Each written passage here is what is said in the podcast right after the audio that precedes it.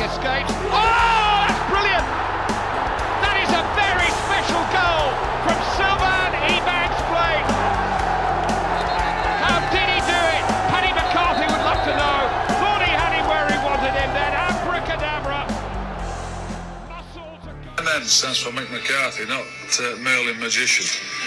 So let's try and do a bit of work, and uh, let me get on the training ground, then we'll uh, we'll crack on and see what we can do. And I'm sure I'll be meeting and sparring with you over the next, well, a long time, I hope. But uh, let's get cracking, eh? Hjertelig velkommen til Ulvehyl spesial.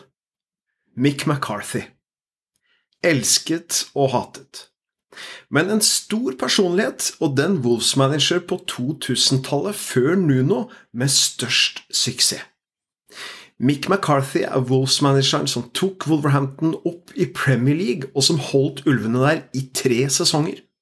Dagens pod vil i sin helhet dreie seg om ulvehyl-favoritten Mick McCarthy, og med meg til å mimre Asle Frøkedal og Odin Henriksen. Velkommen, karer! Tusen takk. Mitt navn er Terje Melheim, og vi starter denne historien i november 2004. For Wolves har akkurat rykket ned fra Premier League etter å ha tilbrakt én sesong i det gjeveste selskapet i fotballverden. Tilbake i championship så får ikke Dave Jones de resultatene som han hadde håpet på som Wolves-manager etter nedrykket. Det blir bare fire seire på de første 15 kampene, 17.-plass og et forsmedelig tap for Gillingham, et Gillingham-lag med ti mann i store deler av kampen. Og vips er tiden som Wolves-manager over for Dave Jones. Inn i managerstolen kommer tidligere England, Tottenham, Chelsea og Swindon-manager Glenn Hoddle. Og Hoddle han snur den svake trenden, og på de siste 25 kampene i 2004-2005-sesonger så taper Wolves bare én eneste gang. Problemet er at 15 av de 25 kampene ender med uavgjort, og poengfangsten den er ikke nok til mer enn en syvendeplass. Det blir ikke playoff etter 21 uavgjorte kamper. Noen minner fra Glenn Hoddle i managerstolen på Molly Newcarrer? Hva husker dere fra Glenn Hoddle-tiden? Nei, altså det, det, er jo lenge siden, så jeg måtte, jeg måtte virkelig grave litt. Og det er jo ikke akkurat eh, Det var jo veldig, som du sier, veldig mye uavgjorte kamper med, med, med Hoddle. Han begynte jo ikke så verst, da, og så ble det jo fryktelig mye uavgjort. Eh, eh, Så du sa den første sesongen var det Eh, 21 uavgjorte, alle var ikke under Hoddle, da. Og eh, sesong 2 19. Altså 40 uavgjorte kamper på to sesonger. Det er jo grusomt kjedelig. Så det var jo litt sånn at det ble mer og mer kjedelig eh, utover. Men det var jo noen høydepunkt. Um, jeg, eh, det som jeg husker personlig, da jeg var borte en tur Altså en ukestur. Jeg jobbet offshore den tiden, så jeg var en hel uke i november 2005. Mm. Og det var en kald novemberdag i Derby, borte mot Derby. Eh, hvor vi knuste Derby 3-0. Jeg var i bortesvingen, det var kjempestemning. Og, På Pride Park? på Pride Park eh, Iskaldt var det faktisk. Eh, det var en 3-0, og blant annet eh, Tom Huddleston. Han skåret sitt eneste Wolves-mål i den kampen der. Han var jo på lån. Jeg tror det var ja, var det Ghanea, må jeg tro. Men det var, og så var det så god stemning. Eh, alle fansen tok jo av seg skoene, da. Og så uh, Clap your shoes if you, if you support the Wolves. Det var det vi Så det var god gang. Og fantastisk. Og så skulle vi se to kamper til, da. Dette var jo en fredagskamp. Um, Ja. og så skulle det være midtukekamp mot Sheffield United og en ny lørdagskamp mot The Saints. Um, og begge kampene var 0-0. Det var noen grusomme kamper. Uh, og det bare håpet på at dommeren skulle blåse. Det som var gøy i den Saints-kampen, var at jeg fikk se en purung eh, Theo Walcott da, på Saints. Han var vel 16 år. Ikke sant? Eh, det var jo eh, mye snakk om han allerede den gangen der. Men eh, altså to eh, veldig kjedelige kamper, da. Så det var jo litt sånn typisk, typisk for Hoddle-perioden, tenker jeg. Det kunne Det var enkelte kamper som var, var bra, og så var det veldig, veldig forsiktig og mye uavgjort. Ja, eh, jeg husker eh, Jeg har også vært eh, Jeg har studert i England og, og, og vært på Pride Park på match med en kompis fra, fra Derby. Og, og det, det, var jo ikke Os-kamp, men, men, det var ufattelig surt, husker jeg også, den, den, matchen. I tillegg så han spilte litt sånn semiproff Semiproff cricket. Så, så han, eh, han, hadde meg jo med ned dit for at jeg også skulle være med og se han spille en cricketmatch. Okay. Og de her cricketmatchene Fy flate, det varer i, i, år og dager. Det er, eh, det er langdryge greier. Så, så, eh, da du trodde det var ferdig, så er det pause og te, og da sitter alle i samme, i samme rom og drikker te og, og, og, snakker sammen, og så går de ut, og så holder de på like, like lenge etterpå. Det, det var en, en Det kan vare i dagevis, det da? Ja, det kan vare i dagevis. Jeg, jeg, ikke, jeg, ble tatt helt på senga over at det der ikke var to ganger 45, sånn jeg så for meg at det var. Eh, men Asle Glenn Hoddle, har du noen minner fra Hodley i Manchester på Molyneux. Ja, når du begynte å snakke om Glenn Hoddle, så bare tenkte jeg oi, shit, hva var det som skjedde under Glenn Hoddle, egentlig? Og så hjalp det litt at uh, Odin satte i gang nå, for da kom det i gang et eller annet uh, kvern oppi her som, uh, som dro meg litt tilbake. Uh, og jeg syns vel egentlig det kjedelige ordet som blir trukket fram her, er, er, meget oppsummerende. Det er fordi jeg sitter igjen med, sånn i nyere tids Wolves, 2000-talls Wolves, så, så, ligger han på en måte for meg litt rundt der som din sønn der så uh, ligger i, i, tanke på spillemessige minner og sånne ting. Det var kjedelig fotball, og uh, ja, uh, og så var det jo en mann som etter hvert skulle overta etter han denne podkasten egentlig skal handle om, som òg er litt i den samme bolken der. At det er liksom bare en sånn grå masse av halvdårlige minner av ei tid som, som heldigvis er forbi, kan vi vel, kan vi vel si. ja. altså, den andre Hoddle-sesongen ble jo heller ingen uh, suksess for, for Vos, uh, og ikke for Hoddle heller. Eh, masse uavgjorte kamper på nytt, og, og Hoddle henta jo Tottenham-kjenningen, eh, Darren Anderton. han hadde en sesong i Birmingham før han kom til Wolves. Eh, var jo mye skada. Eh, han spilte vel 24 kamper og fikk én scoring. Kontrakta ble ikke fornya, men, men, det store kjøpet før Eh, Hoddles andre sesong, 2005-2006, for 1,4 millioner pund fra spanske Elche. Husker dere hvem det var? Ja, ja. Thomas Frankowski. Ja. det verste kjøpet verste kjøpet vi har gjort noen gang. Jeg, så akkurat på statistikken. Han eh, ja. har vel en 20 kamper og ingen skåringer. Ingen skåringer, ja. Han, men han var jo Han hadde gjort det ganske bra på det polske landslaget og, og så videre, men han var jo forferdelig eh, bomkjøp, da. Um, ja, Spedbygd og tok jo ikke det der championship-nivået overhodet. Ja. Jeg har faktisk som en, bare som heter det, kuriositet en Kvankowski-drakt i museet. Jeg kjøpte den bare på gøy, for den er så grusom. Uh, mest grusomme kjøpet vi har hatt noen gang, tror jeg. Ja, det, jeg har faktisk en Frankowski-drakt. Ja, det, det, er jo et ironisk objekt i museet, Odin. ja. Men eh, 2005-2006-sesongen endte med en syvendeplass. Åtte poeng bak Crystal Palace. Eh, det ble for mange uavgjortkamper. Eh, 19 uavgjort, som du var innom, Odin. 67 poeng. Det var sju poeng bak eh, playoff og Crystal Palace. Og, og påfølgende sommer så trakk Glenn Hoddle seg. Han mente at eh, Wolverhamptons ambisjoner ikke samsvarte med hans egne, og det ble slutten på samarbeidet. Og det tar oss jo da fram til, til hovedpersonen i dagens historie. For eh, Hoddle han overtok og leda et aldrende Os-lag, et Os-lag som, som, trengte fornyelse. Og den som kom inn eh, til å lede dette da aldrende og spinkle Os-laget som det var når han overtok, eh, det var eh, Michael Joseph McCarthy, født i Barnsley 1959, og det var hans irske far som gjorde han til eh, gjorde Irland til hans fotballhjemland, for han fikk 57 landskamper, to mål, eh, for den eh, kompromissløse McCarthy som begynte sin spillekarriere i Barnsley, sin hjemby, da, før han spilte i Manchester City, i Celtic i Lyon, og hvor han da eh, avsluttet karrieren sin i Millwall, hvor han også da gikk tok over som, som manager, før han da ble trener for Irland, og tok jo Irland i 2002 i, i Sør-Korea og Japan-VM så tok han Irland til utslagsrundene. Uh, og han uh, leda jo da Sunderland før han sommeren 2006 kom til Wolverhampton Wanderers. Wolves var litt i krise da, da Mick McCarthy kom til sommeren. Hoddle uh, ga seg, og en rekke rekke spillere som hadde vært bærebjelker i dette Wolfs-laget de foregående sesongene, forsvant ut. Og vi kan altså nevne kjapt her altså Lee Naylor med masse kamper, og, og, og alle disse spillerne som jeg nå nevner, hadde 15 kamper eller mer. Noen av de spilte alle kampene for Wolves den siste sesongen under Hoddle, og de forsvinner altså denne sommeren.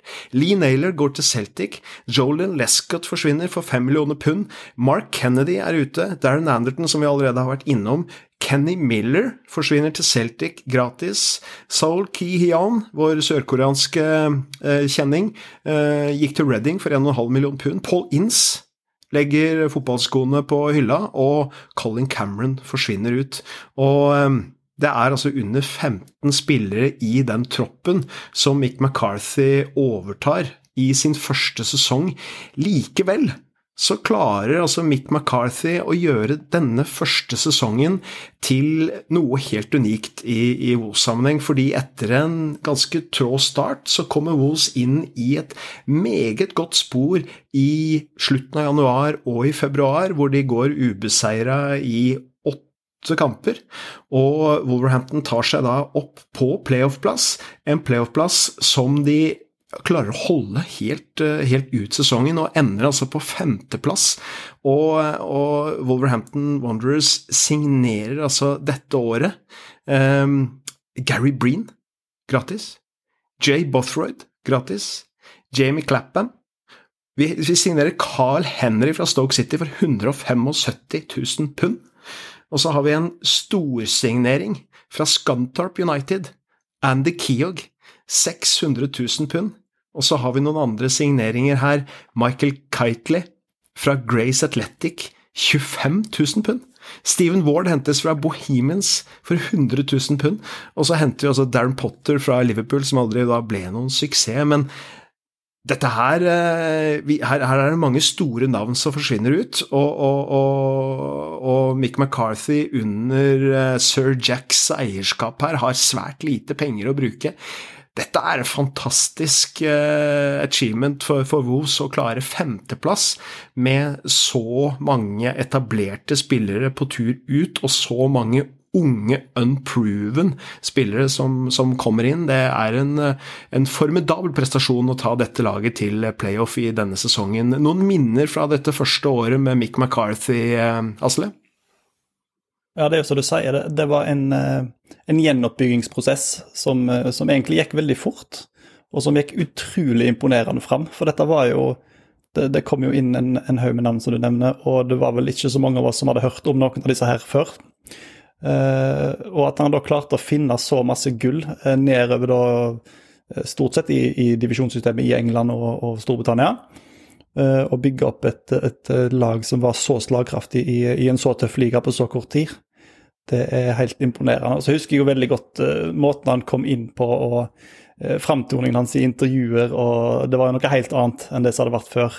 Og det er på en måte der, uh, der, jeg, der jeg har noen av de beste minnene med Mick McCarthy, er faktisk det som skjedde gjerne etter kampene og, og intervjusonen og sånne ting.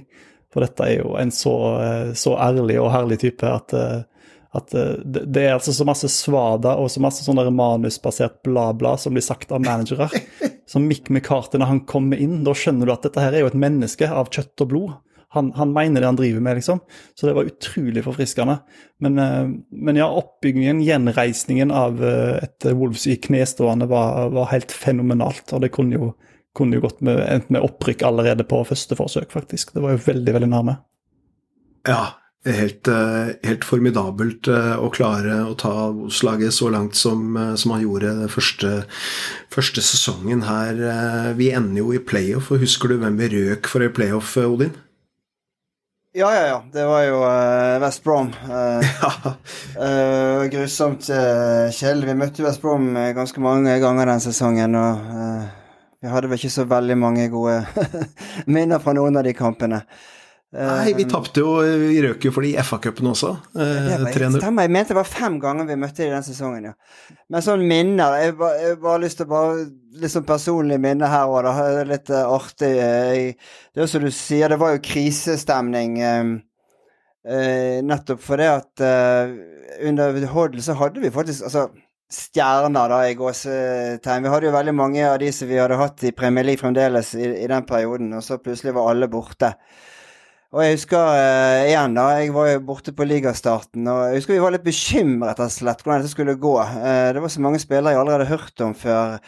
Noen andre som ikke du nevnte. Jamal Johnson, Craig Davis. Uh, hvem i all verden var dette? Um, ja, Davis henta vi fra, fra Italia. Jo. Ja, ja, han var på lån fra Var det Verona? Verona, ja. ja. Uh, men uh, Så jeg var jo borte på Ligastad, som sagt, og uh, fornøyd med 1-1 borte mot Plummet i, i ligastarten, egentlig. For et selvmål. Det var han Louis Gobben som var involvert. Det er også en helt ubeskrevet blad som kom inn der, da. Og, ja. Det var nydelig vær, husker jeg. Det var full sommer. og det var der en hel uke. Og så var de også mot hjemme, hjem, første hjemmekamp mot uh, Ipswich 1-0. Så tapte vi 3-1 for uh, Preston, da. Men det var jo Jay, Bootroyd som stort sett skårte mål i begynnelsen. da, og ja, han hadde også en fantastisk suser mot Leeds noen uker seinere. Den borteskåringa mot Leeds 1-0 Den var jo var helt vill. Og for ja. et tilslag den venstrefoten hadde. Han sto omtrent Hvis jeg husker den skåringen riktig, så sto han stille, nesten. På, fra 30 meter. Ja, ikke, han hadde ikke mye fart og, og, og bare banka ballen opp i vinkelen. Det vel, ble vel kåra til årets uh, scoring. Uh, en annen fun fact her er jo uh, Se om du husker det, Odin, men altså Mick McCarthy. Den første Wolves-manageren som henter en brasilianer til Wolves. Ja. Men han fikk ingen kamper. Nei, Men og, husker du spilleren? Ja, nei, altså nesten Jeg, jeg, jeg fant jo frem noen gamle programmer, jeg må, må jo eh, innrømme det. Ja, han uh, Guillerm Finkler, eller Finkler. Ja. nei, jeg, jeg, kunne ikke Men når jeg leste navn, så husket jeg det så vidt. Men uh, det var helt godt eh, i glemmeboken. Ja.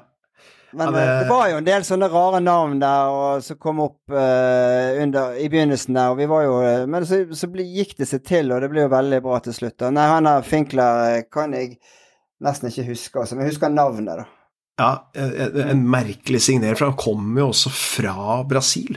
Altså, men han var vel sikkert en agent da, som var og solgte han inn. Ja. Men jeg sjekka så vidt opp han, og, og det, det, ser ut til at eh, det han har gjort eh, etterpå, det er, eh, det er, det er i australsk fotball. Han har spilt 90 kamper, skåra 20 mål for Melbourne i australsk fotball.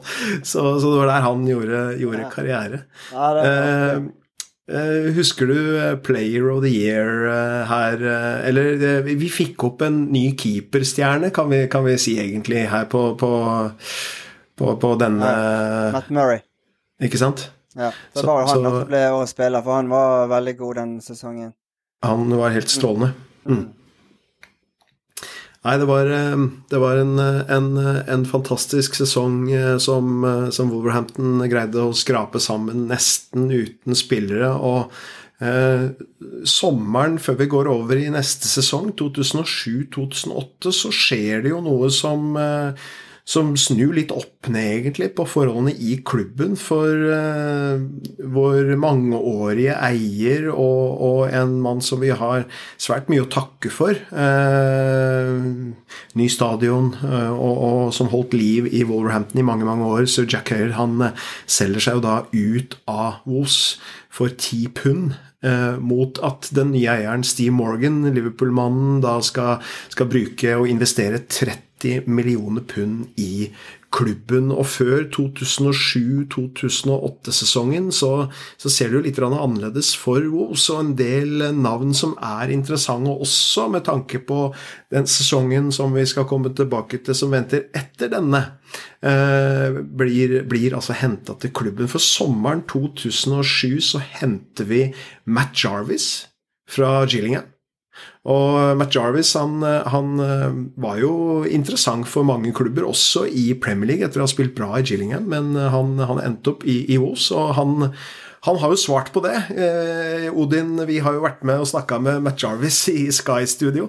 Eh, nå under koronatiden, og, og, og, Matt Jarvis svarte jo på det at eh, grunnen til at han kom til Wolverhampton, var, var Mick McCarthy. Uh, han satte seg ned og tok en prat med Mick McCarthy, og, og, det var nok rett fra levra igjen, da, som du var innom her, Asle. Fra McCarthys side. Han, han var veldig tydelig på, på hvorfor Matt Jarvis han ville ha Matt Jarvis til klubben, og Jarvis han ble overbevist og, og kom. vi henta også Freddy Eastwood, som jeg jo vet er en liten favoritt av, vår Ulvekil-medprogramleder Dagfinn, som ikke er med i dag. Men hilses til Dagfinn når vi ser Freddy Eastwood, som kom fra South End, fra Sussex, da, South End, for 1,5 million pund. Eh, vi henta også Kevin Foley fra Luton, eh, irsk uh, back, som, som jo gjorde en strålende strålende sesong. Og så senere, da i januarvinduet, så henta vi tre spillere som alle etter hvert ble nøkkelspillere for oss. Eh, Sylvan Ibens Blake fra Plymouth for 1,5 millioner pund. Eh, Dave Edwards kom fra Luton, eh, som da tidligere var lagkamerat med, Kevin Foley. Og, George Elokobi ble henta fra Colchester. Eh, mens eh, Thomas Frankowski han blir frigitt. Carl Court forsvinner ut, og det samme gjør også Michael Oak, som eh, hadde vært keeper i og stått en del kamper for, for Vos. Sesongen, den den, den, den, blir Det blir bare nesten. Det blir bare veldig nesten, for, for Wolverhampton eh, kommer på syvendeplass og, og, og klarer altså ikke ikke å kvalifisere seg til playoff, og det med minst mulig margin. Det er altså ett plussmål som skiller Wolverhampton og Watford på sjette- og sjuendeplass, og i, kampens, i årets siste kamp hjemme på, på Molyneux mot Plymouth så, så skårer Sergi Olefiniana, eh, som jo spilte i Brann før han kom til Os, eh, i det 87. minuttet. Hadde Os vunnet den kampen med, med, to mål til, altså 3-0, så, så, hadde vi vært på den playoff-plassen istedenfor Watford. Og styrte jo hele denne Plymouth-kampen. Det var jo et under at ikke det kom skåringer før, og, og, men det ble altså bare nesten. Men, men her henter vi spillere som, som blir viktige for oss. Eh, husker du noe fra denne sesongen? eh, Asle. Sjuendeplass og, og nesten, eh, nesten playoff. Ja, om jeg ikke tar helt feil, så er vel denne sesongen den aktuelle for det jeg oftest har skrevet inn i Google-søket mitt opp gjennom åra. Det er nemlig Ebanks Blake Wonder Goal uh, mot uh, Charlton. Det var vel den, på tampen av den sesongen der. Eh, det er jo det som sitter igjen som liksom det der magiske øyeblikket. Eh, men, men, det var mye bra fotball. Eh, de spilte bra, føltes på den tida som en ganske sånn progressiv eh, form for fotball. Um, og, og det, det, var slett ikke et kjedelig lag å, å, å, se på. Dette var jo et lag som gikk ut for å, for å skåre mål. Så var det forresten Skåret Carl Henry i den samme kampen? Ja, Det er helt riktig. Ja, fordi at den kampen er, er, litt Den husker sikkert Odin også, men jeg husker den kampen veldig godt. Var på Bohemen i Oslo og så den kampen. Og eh, jeg tror jeg også var det sammen med Knut Berg. Jeg tror jeg, tror jeg endte i armene til Knut Berg eh, fire ja, minutter på overtid når Carl Henry, Carl Henry skårte, skårte, skårte eh, to-tre-målet. Tre-to-målet for, for Vos tok ledelsen med Ivangs Blake, og så uh, utligna Halford uh, før Ivangs Blake førte oss opp igjen i ledelsen. To minutter på overtid så, så skårer Lita 2-2-målet for Charton, men to minutter senere så, så avgjør Carl Henry eh, den kampen. Var du på kampen, eh, Odin, eller eh, du husker den i hvert fall? Ja, jeg husker han. Jeg var faktisk hos min mor den lørdagen der, og eh, så sa jeg Jeg visste ikke at, du, at det var så viktig for deg. jeg skrek. Det var jo helt vill avslutning på kampen. Ja, helt... ledet, og så ble det 2-2. Faen, altså. Og så ble det fakat med 3-2. Men det der nydelige målet var jo ikke det siste målet. Det var jo det 2-2-målet, ja. eller 2-1-målet, som ble mm. den eh, nydelige skåringen. Nei, men jeg var på den motsatte kampen, og det var det jeg hadde Det var, det, det var litt artig, da, siden uh, du tok opp den uh, tråden, Asle. For at jeg var på hjemmekampen mot uh, Charlton. Ja. vi vant 2-0, og det var ja. Jeg mener det må ha vært en Viking Wolves-tur, for jeg tror vi var på, vi var på sånn VIP opplegg. Og så si, får vi vite da at eh, Mike Bailey er til stede på den kampen. Har jo spilt både for Charlton og Wolves. Ja. Og eh, han Jeg har glemt navnet på han, det er jo eh, tragisk, men han som alltid hjalp oss, han som døde i fjor. Um, kan dere hjelpe meg? Det var jo han som uh, Odin, Odin, I, I'm gonna help you. I, do you want to meet uh, Mike Bailey? Ja, ja, det har jeg veldig lyst til. og så av gårde ned, i, uh, ned um, i pausen, da. Skulle treffe, De var nede i sånn VIP-boks, og jeg fikk treffe Mike Bailey og pratet. Og så plutselig for Kampen er jo begynt. Og jeg står nede i boksen der, og så hører vi bare et brøl. Jeg bare, stå, jeg bare liksom kaster Mike Bailey og bare brøyter meg frem ut på denne altanen, vet du. Og der står med, Det var Botroy, tror jeg. Står og jubler foran oss. Da fikk ikke med oss målet, men da var det blitt 2-0. Ja. Og jeg måtte jo si beklager til McFeil at jeg ble litt ble litt ivrig her nå.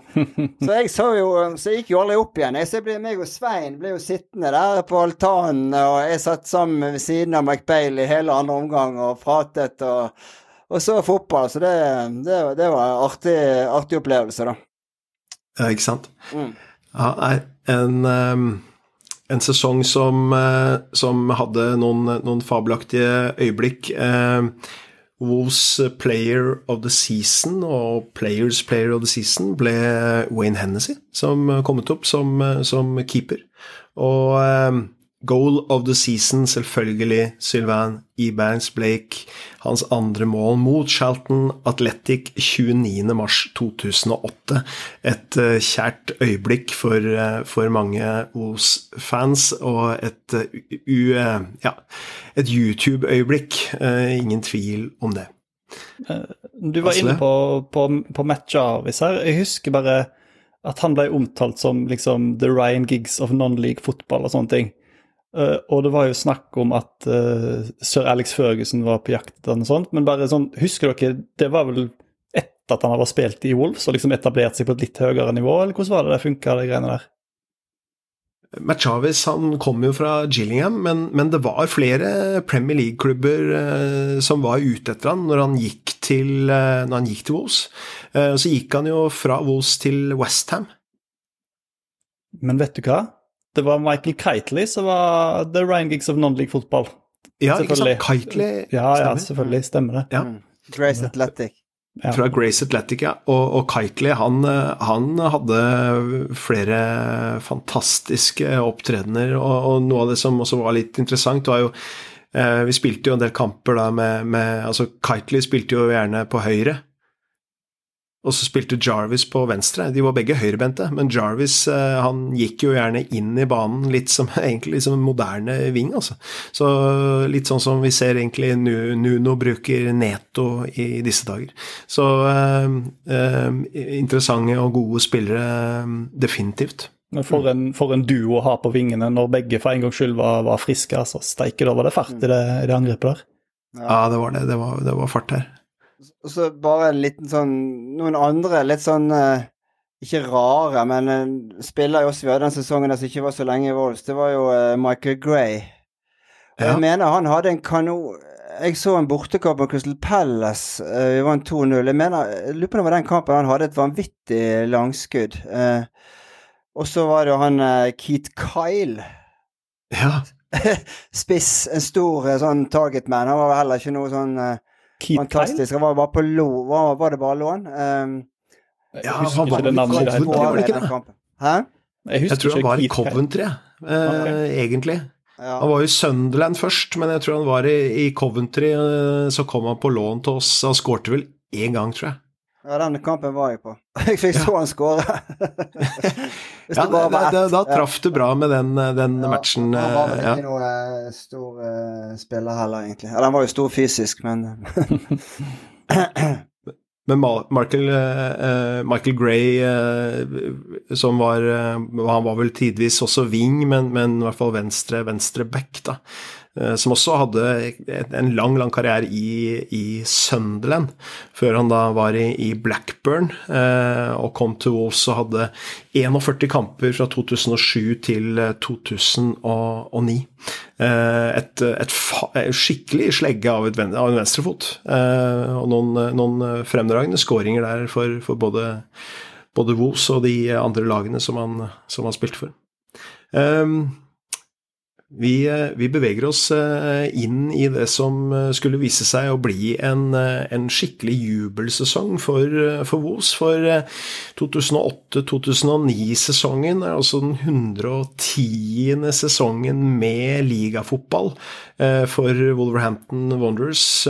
Spiller jo da i championship og har eh, lagt et godt fundament året før og henta en del spillere som skulle vise seg å bli helt sentrale i det som skulle vise seg å bli en skikkelig, skikkelig opptur et, en opprykkssesong. Men i tillegg til spillerne som var henta året før, så fortsatte Mick McCarthy å forsterke stallen. Sam Vokes kom fra Bournemouth.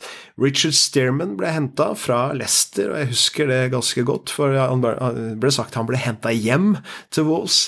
Eh, David Jones kommer fra, fra, fra, fra, Pride Park, som vi allerede har vært innom, eh, Derby County for 1,2 millioner pund. Chris Ivelumo fra Charlton eh, for 400 000 pund skulle vise seg å bli, å bli, en viktig spiller på topp. Eh, Jason Shackwell kommer fra Norwich og 1 million pund. Eh, vi henter også George Friend fra Exeter, og vi, og vi henter altså i februarvinduet det som er vår dyreste signering dette året, fra Skottland.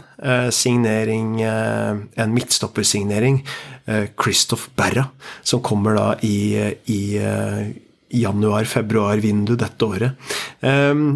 Wolverhampton Wanderers eh, eh, starter med en eh, uavgjort kamp borte mot Plymouth, og, og får så til sammen altså sju strake seire, før vi går på tre tap på de fire neste matchene. Men så følger en ny seiersrekke, og fra runde 14 dette året så ligger Wolves på topp av tabellen, og vi ender på 90 poeng. Vi, vi, rykker opp foran Birmingham City på 83 og Sheffield United på 80 poeng. Og det var elleville scener og banestorming hjemme mot Crystal Palace eh, Unnskyld, hjemme mot Queens Park Rangers, et annet London-lag, da, da Ebanks Blake skårer 1-0 og Wolves eh, vinner og blir klare for Premier League for første gang da siden vi, vi rykka ned i 2003-2004-sesongen. Um, og um, dette her var uh, dette her, uh, de, de, scenene fra den uh, QPR-kampen, de, de, de, sitter vel godt i minnet enda, gjør ikke det, Odin? Jo, jo, det er helt klart. Jeg, jeg jeg var jo ikke på kampen, men jeg husker det veldig godt. Det ble vist til meg på norsk eh, TV, jubelscene på Det bare, det bare aulet med folk ute på banen der. Det var helt fantastisk. Jeg får gåsehud nå når jeg snakker om det. Uh, mm. Det var helt vilt. Um, og fantastisk følelse. Endelig uh, var vi tilbake igjen i det gode selskapet. Um, og det som, jeg, det som jeg husker, det er jo denne høstsesongen. Uh, var jo helt fantastisk. Uh, Ivelumo hadde jo uh, en helt vill høstsesong. Han, han skåret vel bare ett mål etter november. Han skåret 13 mål uh, frem til november, og flere ganger to mål i en kamp. Også et hat trick borte mot Preston. Mens Ibenks Blake knettet jo 25 goller den sesongen. Og de to hadde jo et veldig bra samarbeid og forståelse på topp der, så det var, det var fantastisk gøy. Og hvis det er en kamp, da så er det den 5-1 eh, Jeg tror ikke, Fikk ikke sett den live i Norge, men eh, det var den 5 Jeg kan ikke helt huske, men det var den 5-1-seieren over Forest, hvor vi rundspilte Forest uh, der på høsten der. Og, nei, det var det var også Jarvis og Kitely i storform på høsten der, og alt, alt stemte for Wolves.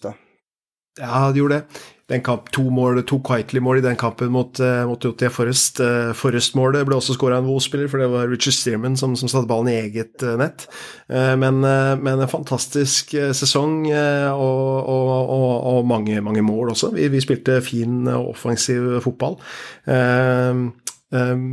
Asle, hva, hva, er dine minner fra, fra opprykkssesongen 2008-2009? Å, de er gode.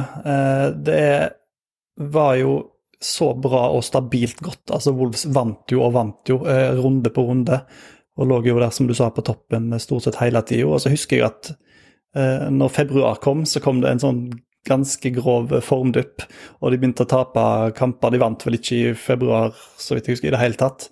Og da husker jeg at de ble stressa, men så tror jeg vel kanskje de aldri mista den toppen i det hele tatt, at de bare ble liggende der.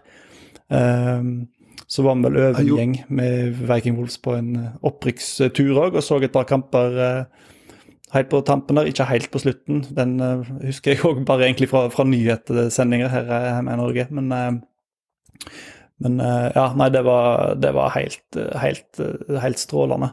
Var du på QPR-kampen? Nei, jeg var ikke på QPR-kampen. Jeg var på en av de som var før, da det var på en måte så å si klart. Så det var en slags, på en måte en slags feiring av opprykket allerede da. Den QPR-kampen var jo bare en sånn endelig bekreftelse og en bonus, på en måte. Det var, men ja, nei, den, den sitter i den sesongen der, altså. Det, det er vel kanskje, kanskje noe av det kjekkeste jeg har vært med på som Wolves-fan, egentlig. Akkurat den der runden der.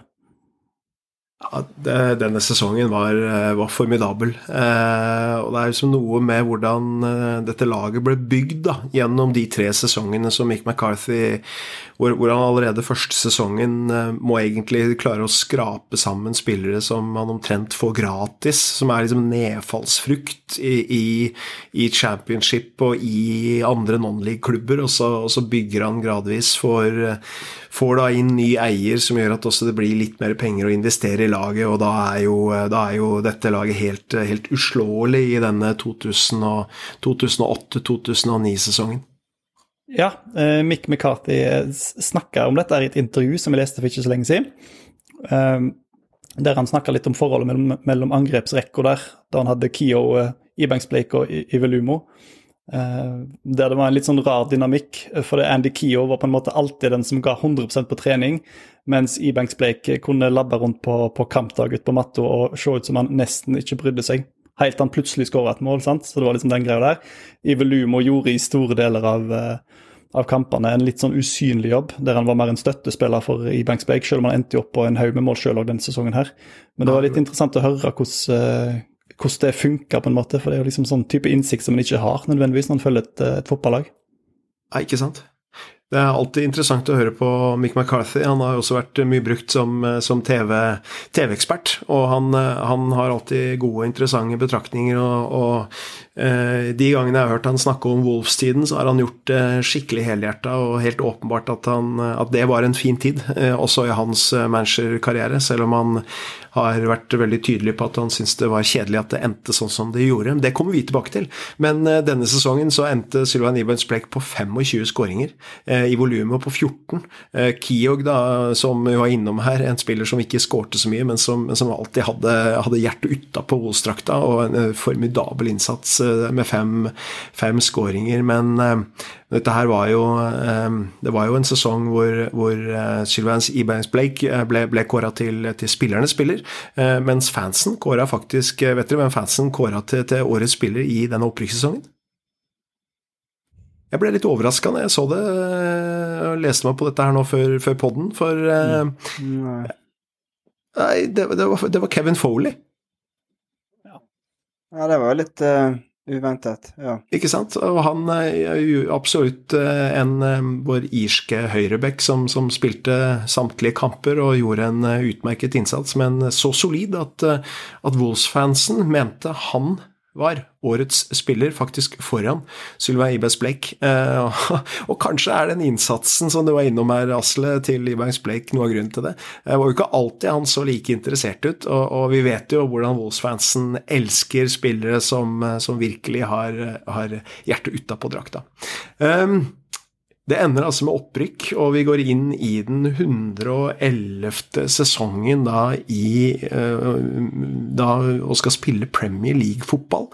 Uh, og, og, det er jo uh, det er jo utrolig Det er jo det aller gjeveste selskapet. Det er jo det alle vil, selvfølgelig. Og, og før sesongen 2009-2010 så er vi ute på markedet og henter um, Én spiller som skal bli den, den dyreste som er henta til oss noensinne. Fra, fra Reading så, så, henter vi eh, ikke, ikke, så rart, vi henter en ny irsk spiller med en irsk manager, men vi henter Kevin Doyle.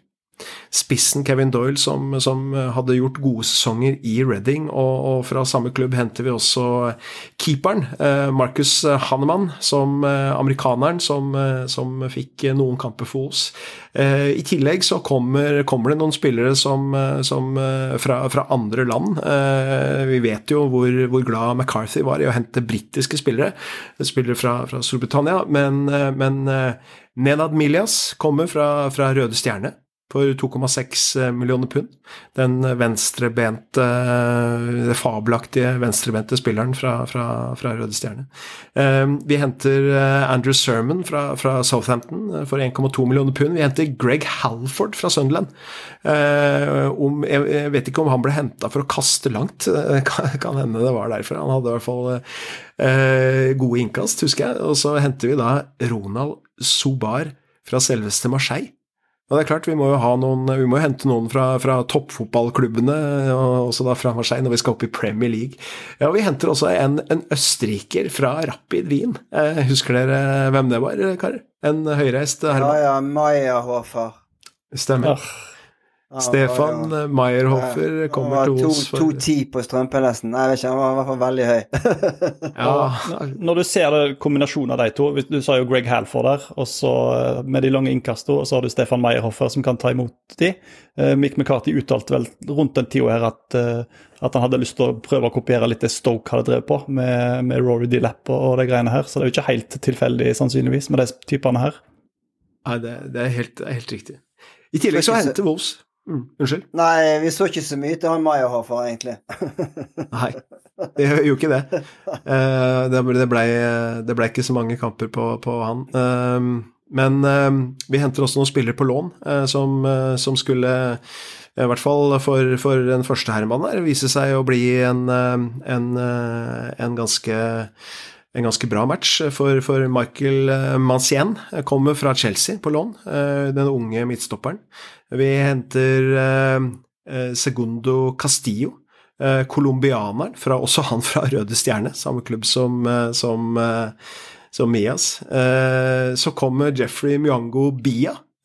fra, fra Charloy i, i, i Belgia. Og, og, vi henter også Adlen Guardiola fra fra, fra, samme klubb. Eh, marokkaneren eh, Nei, fra Algerie var han.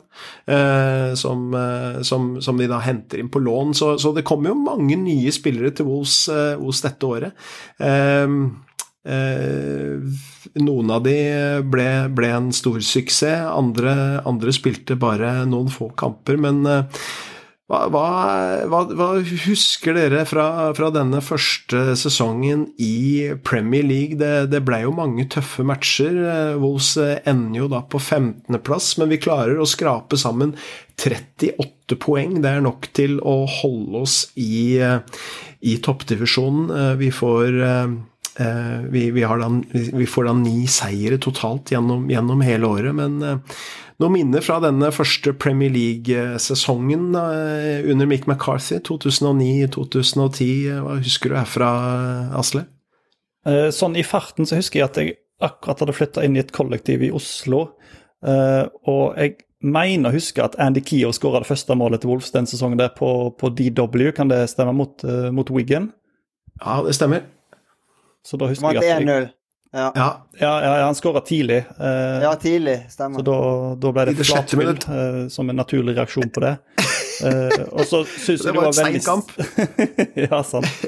Eh, og så syns jeg det var veldig stas med, med, Kevin Doyle, som jeg hadde hatt sansen for eh, i mange år tidligere.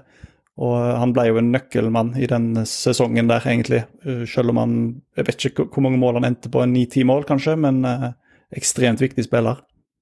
Ja, definitivt. Eh, noen minner fra, fra denne sesongen, eh, Odin? Eh, første sesongen um, Ja, det var jo den første seieren, selvfølgelig, som du nevnte. Egentlig husker jeg mest vi, Sesongen etter var det veldig mange artige kamper. Uh, jeg husker ikke så grådig mange kamper nå uh, fra den sesongen der, men uh, det var jo vi var jo klar allerede for å holde oss noen kamper, par kamper før sesongen var over, så det var jo utrolig deilig at vi klarte for første gang å holde oss da eh, i en Premier, Premier League-sesong. Det var jo bare utrolig digg, rett og slett. Uh, Ja. uh, nei, jeg hadde plukket jeg ut et par kamper ja, fra neste sesong. Um, ja. Ja, jeg husker godt eh, et par kamper denne sesongen fordi at eh, jeg har en bror som er Tottenham-fan, og vi, vi slår Tottenham Ja, eh, hjemme og borte Stemmer. dette året. Vi slår de 1-0, og, og som du var innom, Asle Kevin Doyle, han, han skårer et tidlig bortemål. Eh, Jeg lurer på om det var en stuss eller et eller annet. Han kom, eller han kom i hvert fall tidlig på et innlegg som, som han setter inn til, til scoring der i, i bortekampen på, på White Hart Lane. Eh, og så slår vi også eh, Tottenham hjemme etter scoring av Dave Jones. Så, så det var, eh, var, var to kamper som jeg husker fra, fra dette året her. Og ellers så, så var vi vel egentlig bare sjeleglad for at vi klarte å, å holde plassen eh, her. Eh, Asle? Var det det magiske lagmålet som Dave Jones eh, satte, var det i den sesongen der? Det med alle de involveringene før eh, der Wolves hadde ballen kjempelenge før, før Dave Jones skar inn i 16 og, og avslutta? Det tror jeg kanskje at det var. Mm, det, Jeg husker det, jo ikke så mange Dave Jones-mål. Jeg husker jo det her, denne vippen og, Ja. og, og skåringa over muren, men det var, Ja, ja. det var ikke i denne kampen her. Ja, det var året etter, tror jeg. Men jeg tror, eh, jeg, jeg tror absolutt at dette kunne ha vært den, eh, den lagskåringen ja, som, som jo med, med masse, masse involveringer før, før Jones skårer. Det kan det utmerket vel være. Husker du, Odin? Uh, ja, det var, det var jo forferdelig ikke kunne huske noen kamper, men nå kom jeg på Det var den hjemmekampen mot Burnley, Jeg tror jeg var Vi slo Burnley 2-0. Uh, det var veldig viktig å vinne den kampen. Og så var jo det forspillet før, da kampen før Vi skulle spille mot Manchester United borte, hvor han byttet ut ni spillere. Jeg mener det var den sesongen her. Og McCarthy fikk eh, bot fordi at han eh, hadde byttet ut hele laget for å spare spillerne til den viktige Burnley-kampen i kampen etter mot United. Mm. Eh, jeg har aldri verken hørt noen har fått straff for det der før eller etter. Det var en veldig merkelig avgjørelse av Premier League. Eh, men det var jo helt rett. Vi tapte jo United-kampen knepent, tror jeg, eh, på Old Trafford. Og så vant vi 2-0 mot Burnley. Så, eh, Doyle, blant annet. i- Iskald februardag eller noe sånt. Det var bikkjekaldt. eh, Og eh, Doyle skåret for ett av målene i den kampen. Ja. Jeg husker veldig Ja, godt vi, den, de byttene du snakker om, fordi at jeg var redaktør i Vikingvols på den tida. Eh, og for meg, Jeg syns ikke det var noe hårreisende med at, med at han gjorde alle de byttene. Det, det skjedde jo hele tida. Det er bare det at når et lag som, som Wolves gjorde det, så er det på en måte spillere som ingen har hørt om, som, som kommer inn. Eh, kontra hvis Chelsea eller Man City f.eks. gjør det, så er det fortsatt stjerner på banen, liksom. Så da er det ikke så, så tydelig. Men da ble jeg oppringt av, eh, av Nettavisen, var det vel. De eh, ville ha et intervju i forbindelse med dette. Altså, jeg forsto ingenting. Hva, hva er det å intervjue om? Folk gjør dette hele tida. Ja, ja. Men Chelsea og City de har jo eh, to elvere. De kan jo bytte hele laget, de, uten at uh, Sant? At de, men Så det ble veldig feil og rar, rar, uh, rar behandling av den saken. Ja. Jeg tror, jeg tror den eh, United-kampen var en av de to kampene som Matt Hill spilte i Wolves-forsvaret. Stemmer det. Stemmer det. Ja, det er vel ikke så mange som, som husker han eh, enda, eh, men Han var eh, farget uh, Jo, jeg husker han. Han stemmer.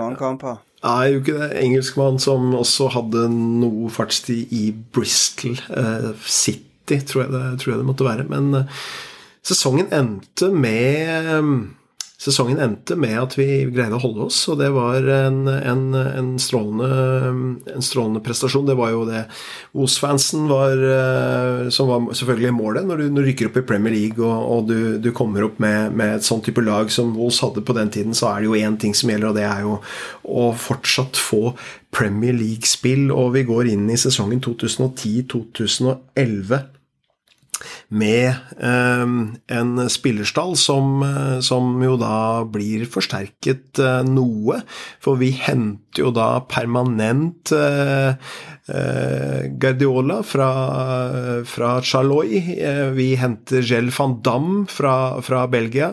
Så kommer da en ny rekordsignering når Steven Fletcher hentes fra nettopp Burnley, som du var innom sist sesong her med kampen, Odin. Og så henter vi da Steven Hunt fra Hull City for tre millioner pund. Og Stephen Steven Hunt skal vise seg å, å bli en uh, helt uh, spesiell spiller akkurat denne sesongen. I tillegg så, så, så forlenger vi lånene med Mujangi Bia, og vi forlenger Mancien også, som gjør at vi, de to spillerne også kommer til Wolls og, og, er på lån i denne sesongen. Um, det, det, blir jo en spesiell sesong hvor vi har uh, noen kamper som står seg, som står seg ut, uh, men det også, uh, blir selvfølgelig også en helt, helt spesiell avslutning på sesongen. En sesong hvor Wolverhampton spiller veldig få uavgjorte kamper. Vi spiller sju uavgjorte kamper. Eh, I stor kontrast til, til Glenn Hoddle-tida, som vi har vært innom. Vi tar 11 seire, vi taper 20 kamper. Vi ender på 40 poeng, og det er jo sagt at disse 40 poengene er liksom det magiske som man må oppnå hvis man skal klare å holde seg. Eh, og det blir en, en utrolig spennende innspurt på sesongen. Men, men dette var jo året for noen spesielle oppgjør også. Eh, er det noen minner som står seg ut her, Odin? Noen kamper som var spesielle dette, denne sesongen? Ja, altså, de, den, de, tre årene i Premier League under, under Mick McCarthy, så, så, for meg så var jo dette den uh, beste sesongen, selv om det ble unødvendig vanvittig dramatisk spennende på slutten. Så, som du sier, vi hadde jo mer poeng denne sesongen her enn sesongen før, men vi, vant, vi tapte for mange viktige kamper mot bunnlagene. Men vi slo jo eh, nesten alle topplagene etter tur, eh, og det var jo vanvittig gøy. Det er jo derfor vi husker denne sesongen så godt, da. Mm. Um, ja, spesielt én Altså, det er jo flere eh, kamper, spesielt på slutt, men, men det er da vi slo Liverpool på Anfield. Uh, Steven Ward skårte. Jeg husker utrolig godt. Uh, jeg får, ta en litt sånn personlig vri igjen på den. Jeg, eh, det var jul, det var i romjulen. Ja, det var den 29. desember. Ja. Eh, vi var på Voss, på hytte på Voss, og så der, ikke vi, der kunne ikke vi se kampen. Så vi måtte ned til Voss sentrum for å se kampen. Og vi tenkte vi skulle, det var meg og guttene, da, skulle ha oss en matbit. Og så vi gikk på Alpino pizza uh, på Voss. Drevet av sånne tyrkere, tror jeg. Og der var stappfull. Um, og selvfølgelig bare Liverpool-fans, da. Uh, ja. Det var jo god stemning lenge der, eller sånn relativt. Og så skåra Steven Baard. Og jeg, jeg, jeg spretter opp og skriker ja! Ja! Og det ble, helt, det ble så stille inni den restauranten, vet du. Det ble helt musestille. Ingen som sa noen ting på Og jeg satt meg liksom ned igjen og hvisket et prat. Vi var jo sånn vi var jo Ja, det var utrolig artig opplevelse, da. Så um, de ble surere og surere, disse her eh, som satt rundt på bordene rundt oss. Um, så det var en veldig, veldig gøy kamp. Og så slo vi en del andre topplag òg. Uh, så, um, så vi slo jo annet Manchester City hjemme og uh, Manchester United og ja, nei, eh, Chelsea og Nei, det var, det var veldig gøy. Ja, det var en, det var en, en veldig, veldig flott Eller mange flotte kamper den sesongen her. No, noe som står seg ut som spesielle minner for deg her, Asle? Nei, det, det, er mye det samme. Det, det målet til Steven Ward. Jeg husker jeg satt uh, på kontoret hos svigerforeldrene mine i Bergen og så den. Og de lurte på om det hadde tørna for meg når det plutselig kom sånne merkelige gaupehyl inn fra det rommet der. Uh, Steven Ward, jeg husker han som kommenterte kampen. Han hadde brukt egentlig alle minutter før det målet til å snakke om hvor lenge det var siden Steven Ward hadde skåra et mål, og at han var i feil posisjon. Det var han jo på en måte, selv om han kom jo derifra. Uh, men det var helt uh, Det var liksom sånn der David mot Goliat-øyeblikk som, som, jeg aldri kommer til å glemme. Men, men, det var òg en, sesong som var litt preg av, som, som, Odin var inne på, at Wolf svikta egentlig i disse viktige kampene mot lag som lå i samme sjikt på Eh, på tabellen og, rundt der. Så det ble, eh, det ble, jo ganske spennende, dette her. Eh, ganske spennende er jo en underdrivelse. Det ble jo helt sinnssykt. For en thriller, den der avslutningen. Den skal vi kanskje komme tilbake til. Ja, det ble jo det. Bare runda den Liverpool-kampen, men eh, det var første gang på 27 år at eh, Wolverhampton eh, slo, eh, slo, Liverpool. Og, eh, og, det satte jo også press på, på Roy Hodgson, som da var Liverpool-manager. og og Steven Ward som spilte på, han spilte på topp den matchen. Det var jo ikke mange kamper han spilte på topp for Vos eh, på den tida her. Han, han, ble jo satt inn der og tuppa denne her med venstrefoten sin. Men, men jeg må også duelle litt med et annet oppgjør, for jeg husker, husker jo godt skåringa til Husker dere altså George Elokobi, som etter ti minutter utligner til 1-1 på Molyneux etter at Nani har gitt eh, United ledelsen, så utligner Elokobi. Så skårer jo Doyle senere, men den Elokobi-skåringen og jublinga hans etterpå, eh, det, det, er et godt minne fra den sesongen der. Det var en, eh, en, et helt spesielt øyeblikk på, på TV-skjermen. Og så snu det mot uh, United, liksom. Og, det, og LKB var jo nesten bortpå den andre skåringen òg. De var jo liksom krangla litt, Doyle og, og LKB om hvem som hadde vært sist på den òg. Så uh, det var jo en fantastisk uh, kamp for uh, LKB. Ja, ikke sant.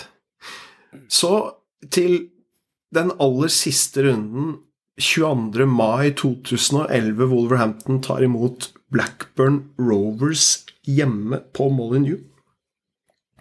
Birmingham City eh, kjemper sammen med Blackpool om å De kjemper da med Wolves om, om å klare å, å få den, den, trygge plassen.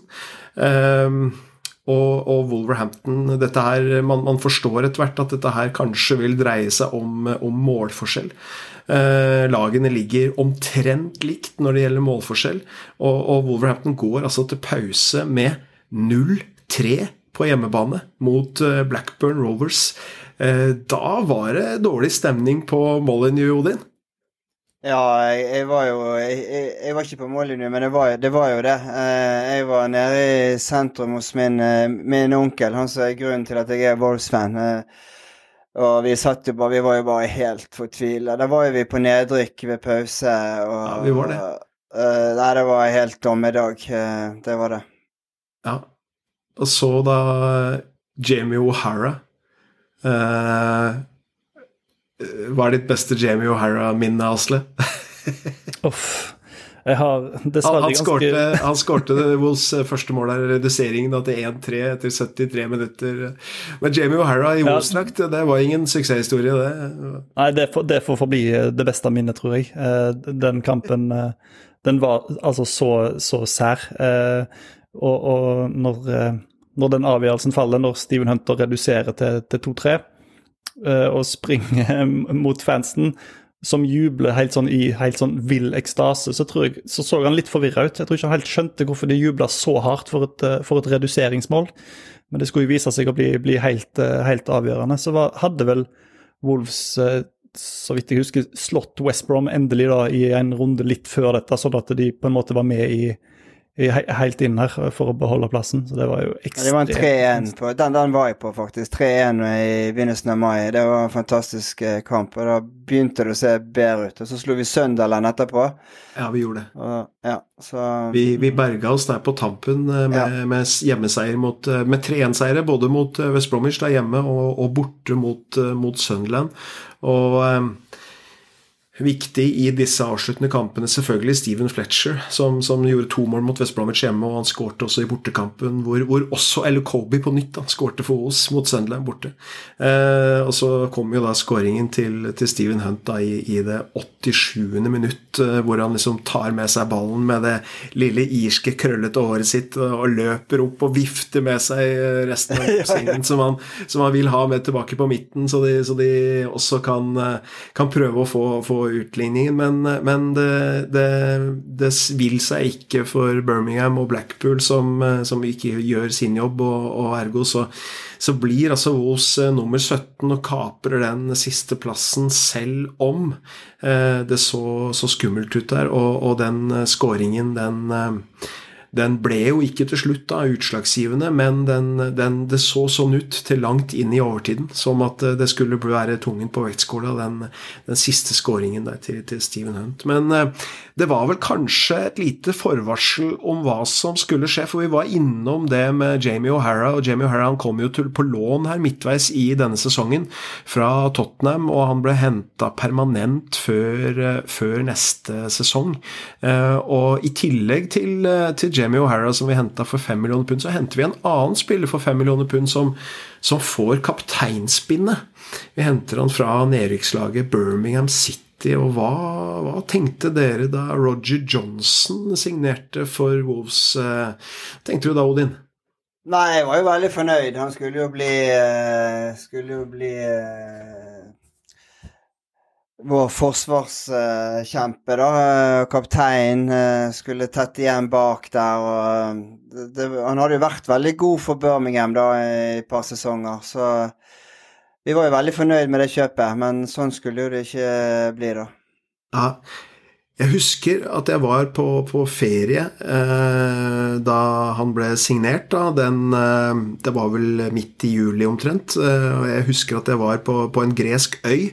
Og, og, og, det hadde jo gått litt rykter, men, men endelig så ble det klart. Og, og jeg jubla, og jeg tenkte at dette er en knallsignering. Eh, og så skulle det jo vise seg at det ikke var noe lykkelig ekteskap da, mellom Roger Johnson og, og Woos.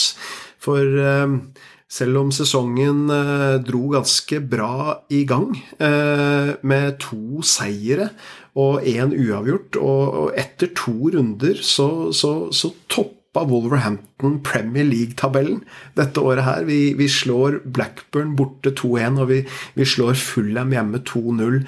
Og 21.8.2011 så ligger altså Wolves øverst på Premier League-tabellen. Eh, og eh, ja, hva, hva, tenkte du da om den sesongen som vi hadde foran oss? Skulle dette her liksom virkelig være sesongen hvor, hvor Wolves skulle ta steg, Odin? Hadde du håp om det når vi gikk inn i 2011-sesongen? Du glemmer jo fortsatt for når det snur, men ja da, jeg husker det det var jo utrolig Det var jo helt uvirkelig. To seire, to mulige. Så han spilte vel uavgjort, som du sa, i den neste kampen, og det så jo bare utrolig bra ut. Um, men Blackburn uh, rykket vel ned, de òg, gjorde ikke de det?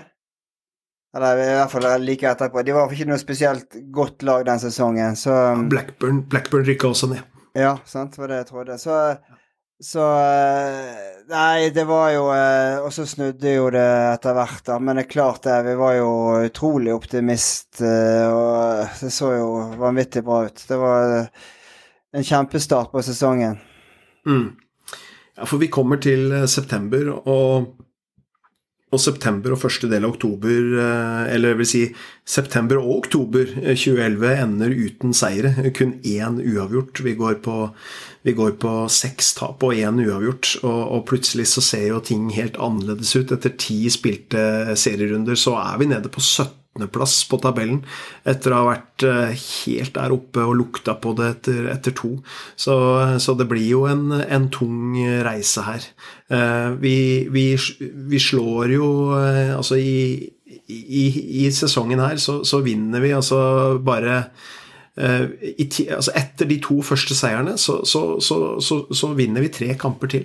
Og, det er kampen mot uh, Wiggen hjemme 6.11. Vi slår Sunderland hjemme 4.12., og vi, vi, slår QPR borte 4.2. Så, så um, det er um, det blir jo etter hvert en, en veldig veldig tøff, tøff reise. Ja, denne QPR-kampen var vel kampen før den fatale kampen? Ja, det er helt riktig. Ja, så eh, det er det. Det ble ikke så mye seier etter det, nei, dessverre.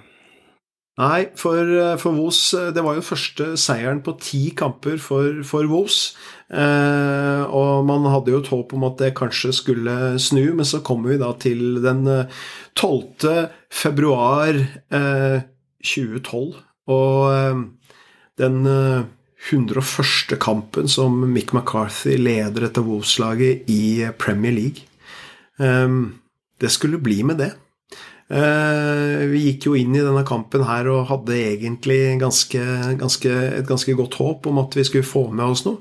Eh, og når Steven Fletcher utligner til 1-1 på overtid, så går vi jo til pause med et uavgjort resultat, men denne annenomgangen blir et svart kapittel i Wolves-historien, og særlig i den lokalderby-historien med West Bromwich. Um, og det skulle jo ende med en reise for, for, for, vår venn i dag, Mick McCarthy, og hans, og hans tid i, i Wolves. Den, den, stopper jo her med, med, denne matchen, og det var et, det var et svart, svart, øyeblikk. Husker du noe fra kampen, Asle? Jeg vet ikke, Det er ganske lite jeg husker fra den kampen. Bortsett fra at jeg var, var langt nede den dagen. Og eh, nå var vi jo kommet til et tidspunkt der jeg mente at, eh, at Mikk burde være ferdig i, i denne klubben. Eh, at uh, det hadde vært så, så flere perioder liksom, uh, der en gikk halvannen til to måneder uten å, uten å vinne en fotballkamp. Eh, de, de, disse store kjøpene funka jo ikke. de burde, sånn På papiret så skulle jo liksom Roger Johnson og, og Jamie O'Hara fylle to ganske sånn viktige Føltes litt som iallfall hull i, i Boslaget, med den uh, kreative kraften sentralt og den robuste stopperen som, som Odin snakker om. så det det, det, stemte ikke, men her var det jo ting som skurra i, i, kulissene, og dårlig stemning, og bytte av kaptein, og folk som kom fulle på trening, og, og diverse. Så det, dette var en grå, grå sesong, altså. Det var ikke noe særlig. Ja. Nei, dette var en, en svart dag i Vos-historien, Odin. Ja, det var jo helt forferdelig. Sånn... Uh Uh, derby, Black Country Derbys Det er ofte ikke så mye å si uh, hvor man ligger på tabellen, men, uh, men det var jo helsvart. jeg husker ikke så mye detaljer, jeg heller, men det er vel fortrengt, fortrengt det. Men Odin Wingi ladet vel hat trick i den kampen. ja, det er helt riktig. det er vel stort sett det jeg husker. og så var det vel søndagen eller mandagen at han fikk beskjed at at han var ferdig. Ja. Um, det var kamp nummer 25 for sesongen, og, og, vi hadde jo noen kamper igjen. Og det bare sånn eh, For å oppsummere litt, eh, Wolverhampton lå jo ikke nederst på tabellen når, når Mick McCarthy fikk, eh, fikk sparken. Vi lå vel på 17. eller 18. plass, eh, akkurat rundt eh, streken der. Eh, men altså, vi, vi, vinner altså ikke én kamp i resten av sesongen, og det er jo da Terry Connor som, som var assistent, som kommer inn og overtar, og, og hans managerkarriere i Wolves ble jo ikke akkurat av det lystige slaget. Så så alt i alt så, så, hadde vi vel etter all sannsynlighet hatt en bedre mulighet her hvis vi hadde beholdt McCarthy i, i managerstolen til, til, å overleve. Eh, vi, vi, gikk på noen grusomme tap den våren under Terry Connors eh, ledelse. Eh, Bl.a. 5-0 eh, for Manchester United på, på hjemmebane, eh, som, som ikke, var, eh, ikke, var, bra i det hele tatt. Og den, eh, den, eneste kampen som, som, jeg minnes fra den perioden, eh, var eh, Swansea-kampen som endte 4-4. Jeg tror vi lå under 4-1, og så kom vi tilbake igjen og klarte 4-4. Det var helt på tampen av året, men da var vi allerede fortapt. Vi endte jo sesongen da med fem seire, ti uavgjort, 23 tap. 82 baklengsmål, minus 42. Vi skåra 40 40 den sesongen, ender på 25 poeng. Men eh, Mick McCarthys tid, den, eh, den rant ut med, med West Bromwich-tapet hjemme 1-5, og um, det tok jo da Altså det var bare starten egentlig på en Wolves-nedtur som da fortsatte under vår, vår, norske venn Ståle Solbakken, nå landslagssjef, som da overtok her på vårparten, og som ikke klarte å, å, å snu dette her med det mannskapet som Mick McCarthy i stor grad hadde, hadde anskaffa. Uh, men uh, hvis vi skal oppsummere tida med Mick McCarthy i Wolves, hva er det vi først og fremst sitter igjen med av, av, av minner fra McCarthys tid i Wolves, eh, Odin?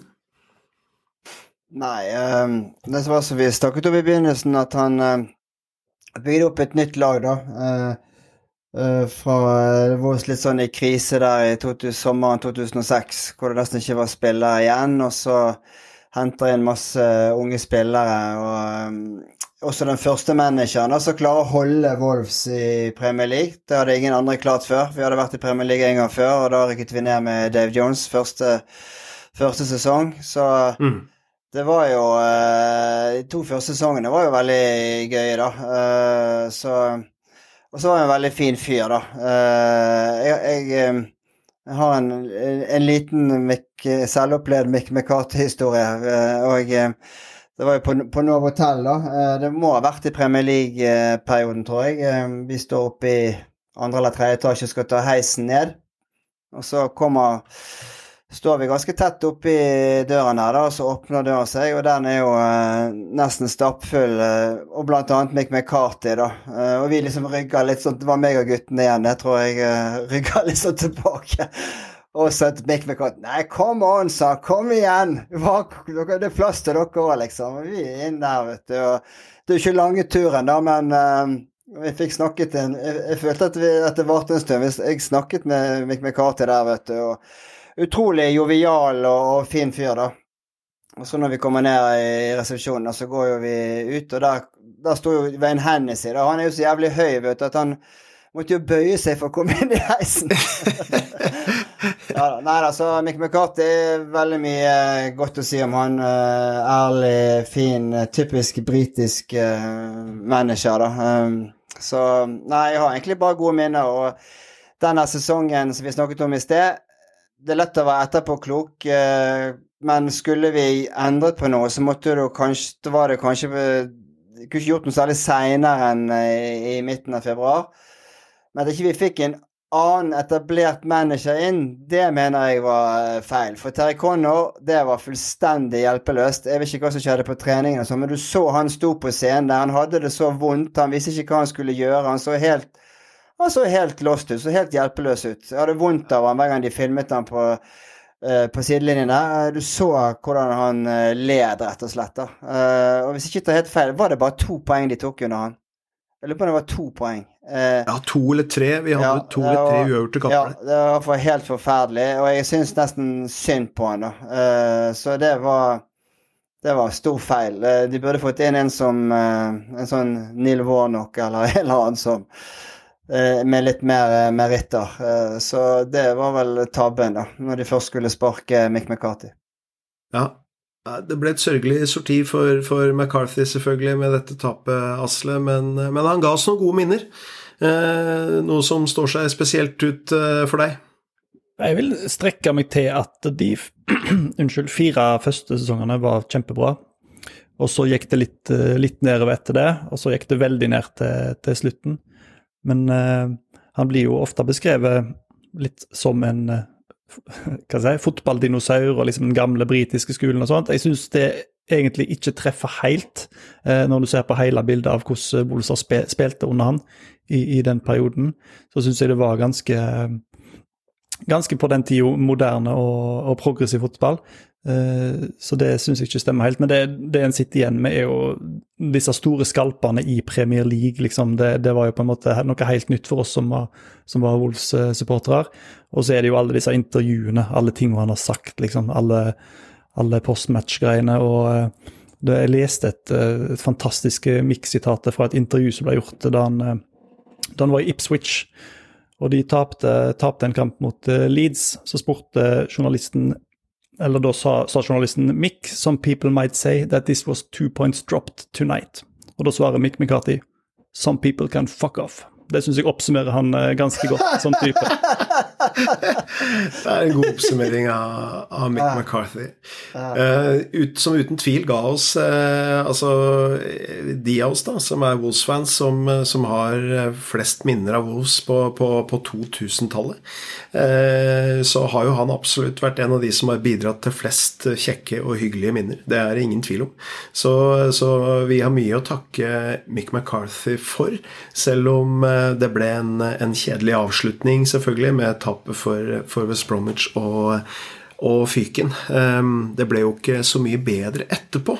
Og eh, hvis vi bare kort sier litt om veien videre for Mick, så gikk jo han til, til Ipswich, som du var innom, Asle. Og, og i Ipswich så hadde han jo også svært begrensa ressurser.